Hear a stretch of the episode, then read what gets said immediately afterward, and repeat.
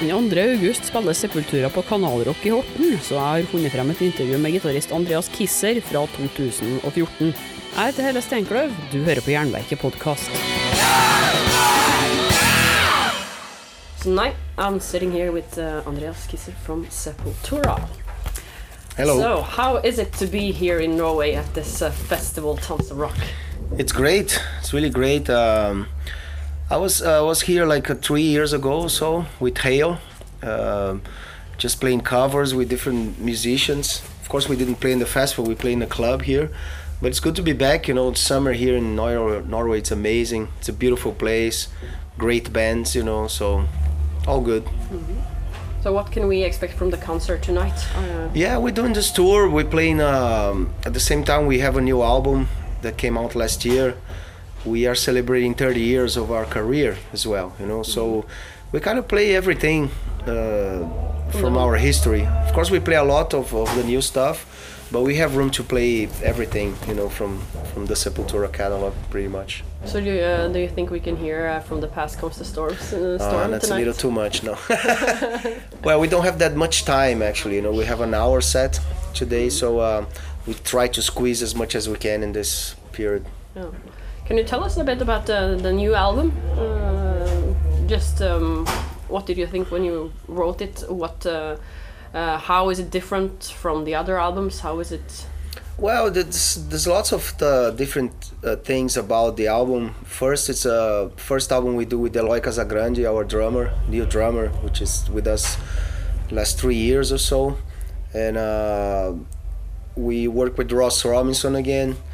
We record the album outside Brazil after a long time because we were doing all our albums in Brazil uh, during this last ten years or so.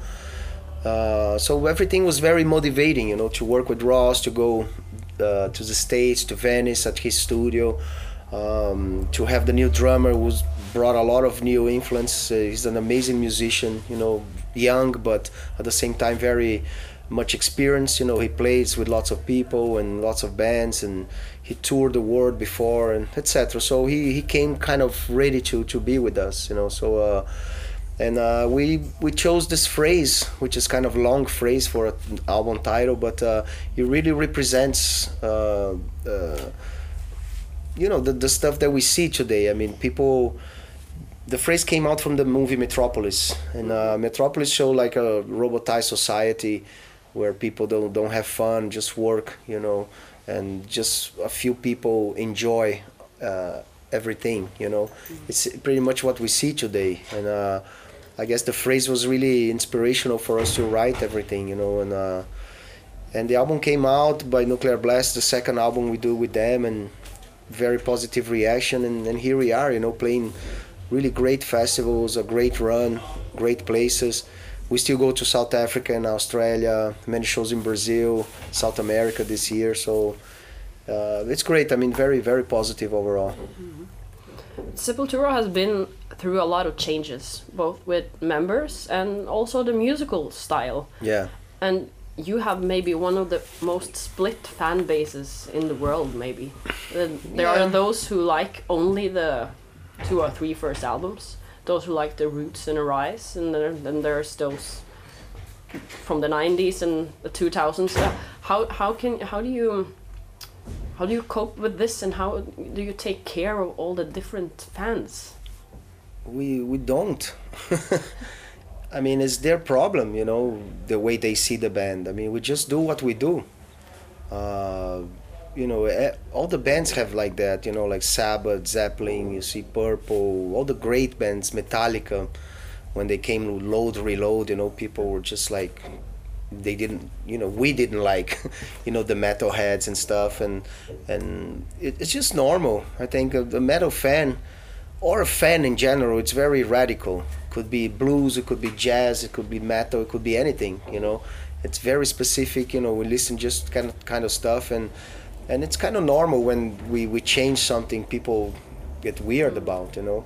So in a band we're 30 years old with few changes inside and many changes outside you know and uh, with technology and everything and that, that's that's normal. I think that's that's a part of, of what we are you know?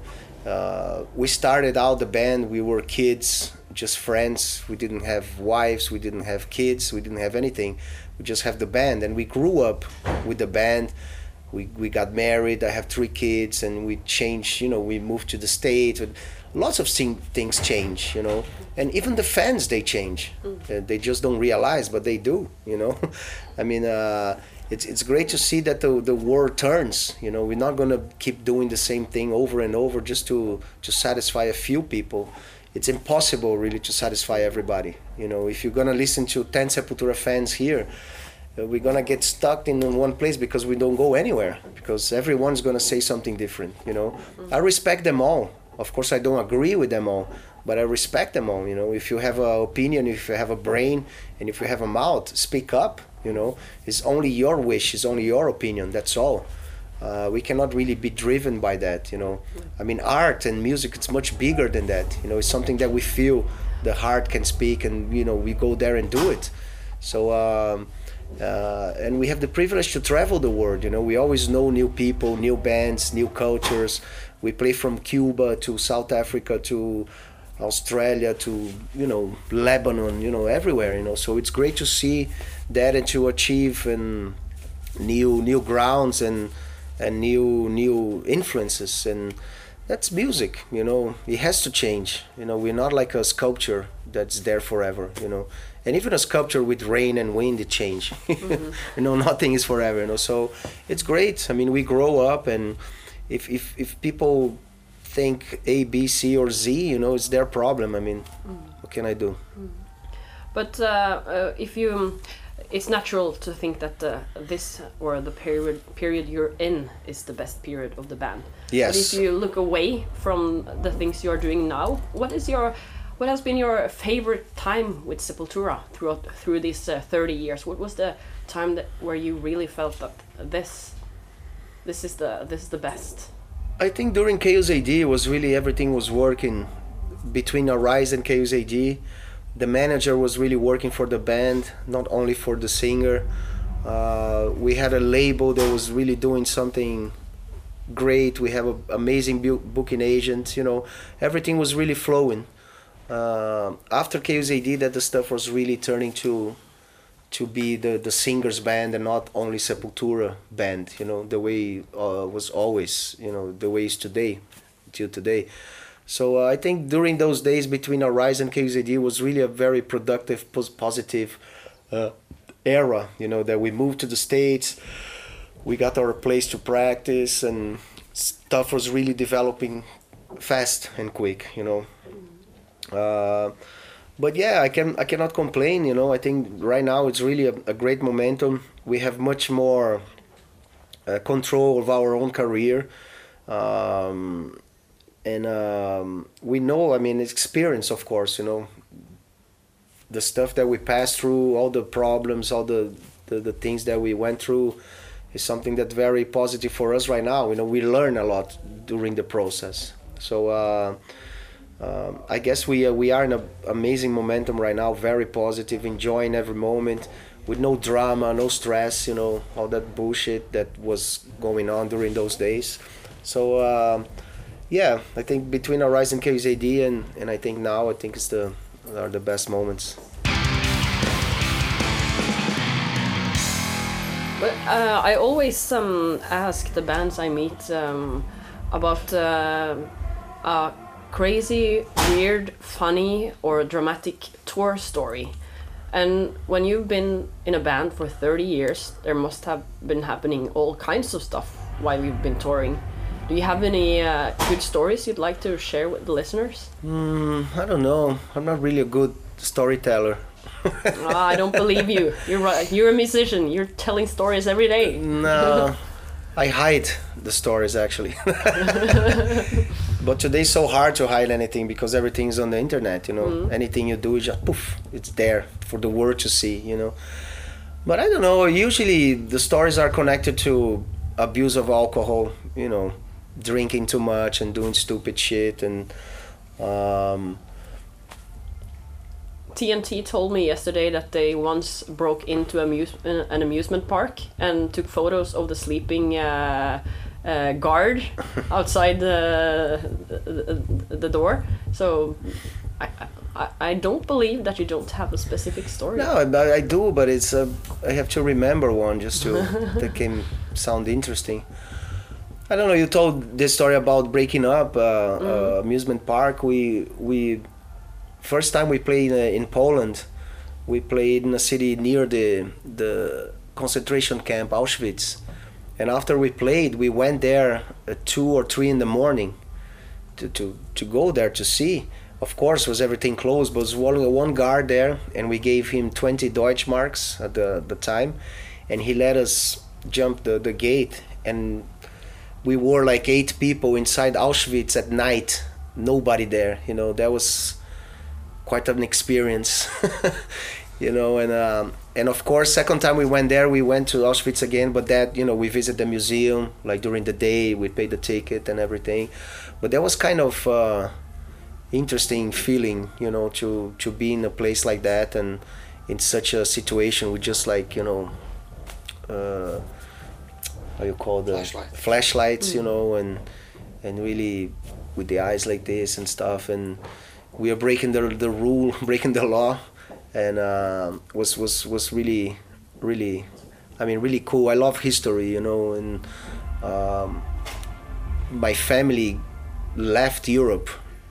My my mom's family from Slovenia after the war, you know, and uh, there are many Europeans that came down to South America, you know, after the war. So uh, it's something that is really close, you know, to, to our family and the consequence of that Second World War. That's why I was born in Brazil, for instance, you know. So um, it's something that is really cool.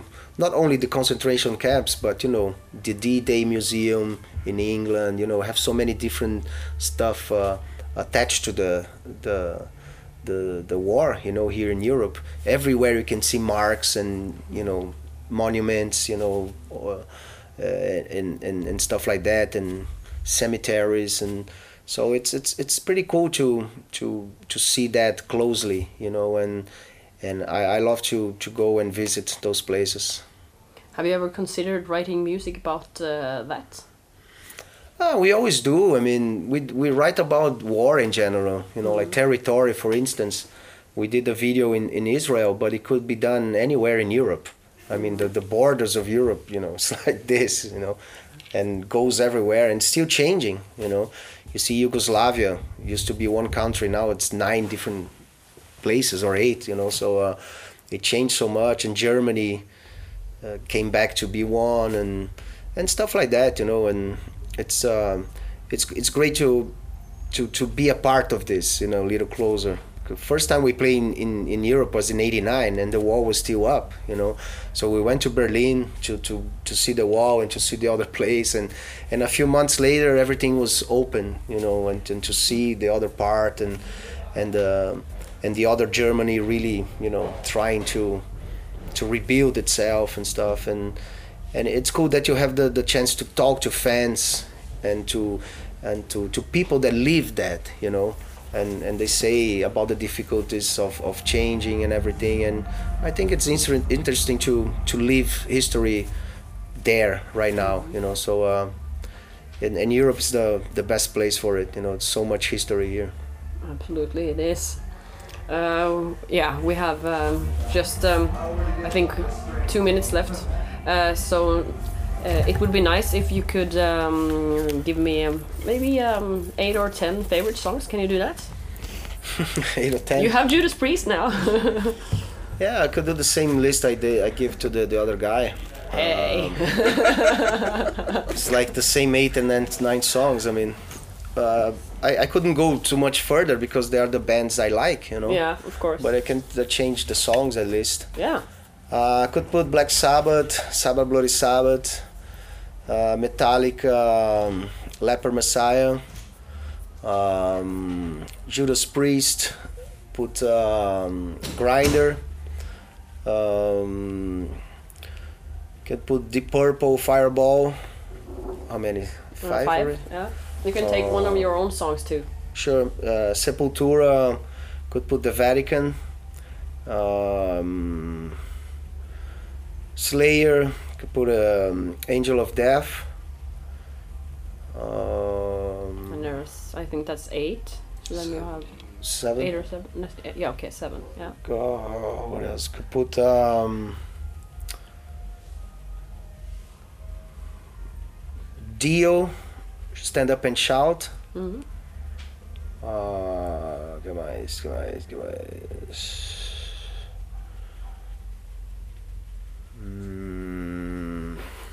It's difficult. let me see your bands here, Neil. Uh, yeah, we can. Any Nasty inspiration? Savage. Lots of Uh, Nasty Savage. Uh, we we we I met them in eighty in the eighties in Brazil, but I don't remember any songs. But uh, put the Anthrax, um, Caught in the Mosh. Um, You could just pick a Nasty Savage song. Yeah. For you. okay, do it. Yeah, that's that'll be cool. Du har hørt et intervju med Andreas Kisser fra Sepultura. Den 2. august spiller de på Kanalrock i Horten. Og nå tar Jernverket ferie ei uke, så neste episode kommer først den 26. juli. Da skal det handle om Nekros Christos. Better release three great albums than six, and there's like two which are totally shit. Just look at the scene. There are so many death metal bands from from the early '90s still around, and there are few which I really would like to see anymore. Liker du Death og Trash som Sepultura, kan du òg høre podkastepisodene med f.eks. Kadaver, Bloodbath, Obliteration, Insane og Necromanteon. Det blir som sagt ei uke med ferie uten ny episode nå, men det ligger 56 episoder ut, så du burde ha litt eh, å høre på i ferien. Abonner på Jernverket podkast via podkastapp, eller gå inn på jernverket.kom. Fortell om det til en kompis, eller legg igjen ei god anmeldelse av Jernverket der du lytter, så holder den seg på podkastlistene. Jeg trenger også hjelp fra annonsører for å kunne fortsette å lage podkast. Hvis du vil spre ordet om et produkt via podkast, kan du sende meg ei melding. Og husk på å følge Jernverket på Instagram og Facebook for månedens album fra Katakomben, diskusjoner, konkurranser og nyheter. Helle Steinkløv, det er meg. Jeg gir deg et nytt eller gammelt hardrockintervju hver fredag. Vi høres, og god sommer.